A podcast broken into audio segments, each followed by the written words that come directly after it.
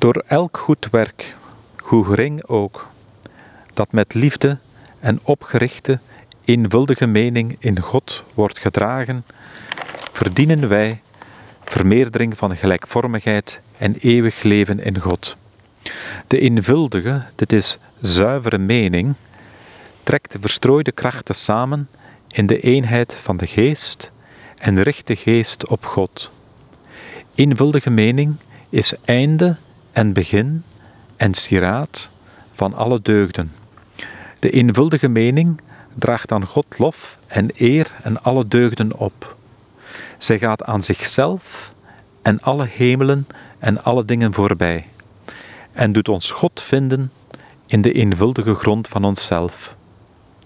Die mening is eenvuldig, die niets anders bedoelt dan God alleen, en al het overige, zover het op God betrekking heeft. De eenvuldige mening sluit veinzerij en dubbelhartigheid uit. We moeten ze boven alles betrachten en beoefenen in al wat men doet, want zij bewerkt dat de mens in tegenwoordigheid van God vertoeft. Zij verlicht zijn verstand, maakt hem ijverig in de deugd en vrij van alle ijdele angst, zowel hier beneden als tegen de dag des oordeels.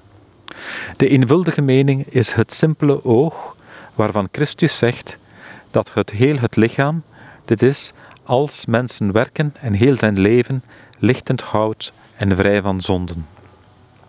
De eenvuldige mening is de inwendige, verlichte, liefdevolle neiging van de geest.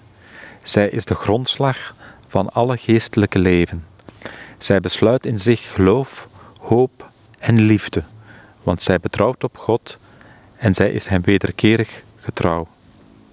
Zij brengt vrede tot stand en verdrijft alle misnoegdheid van geest.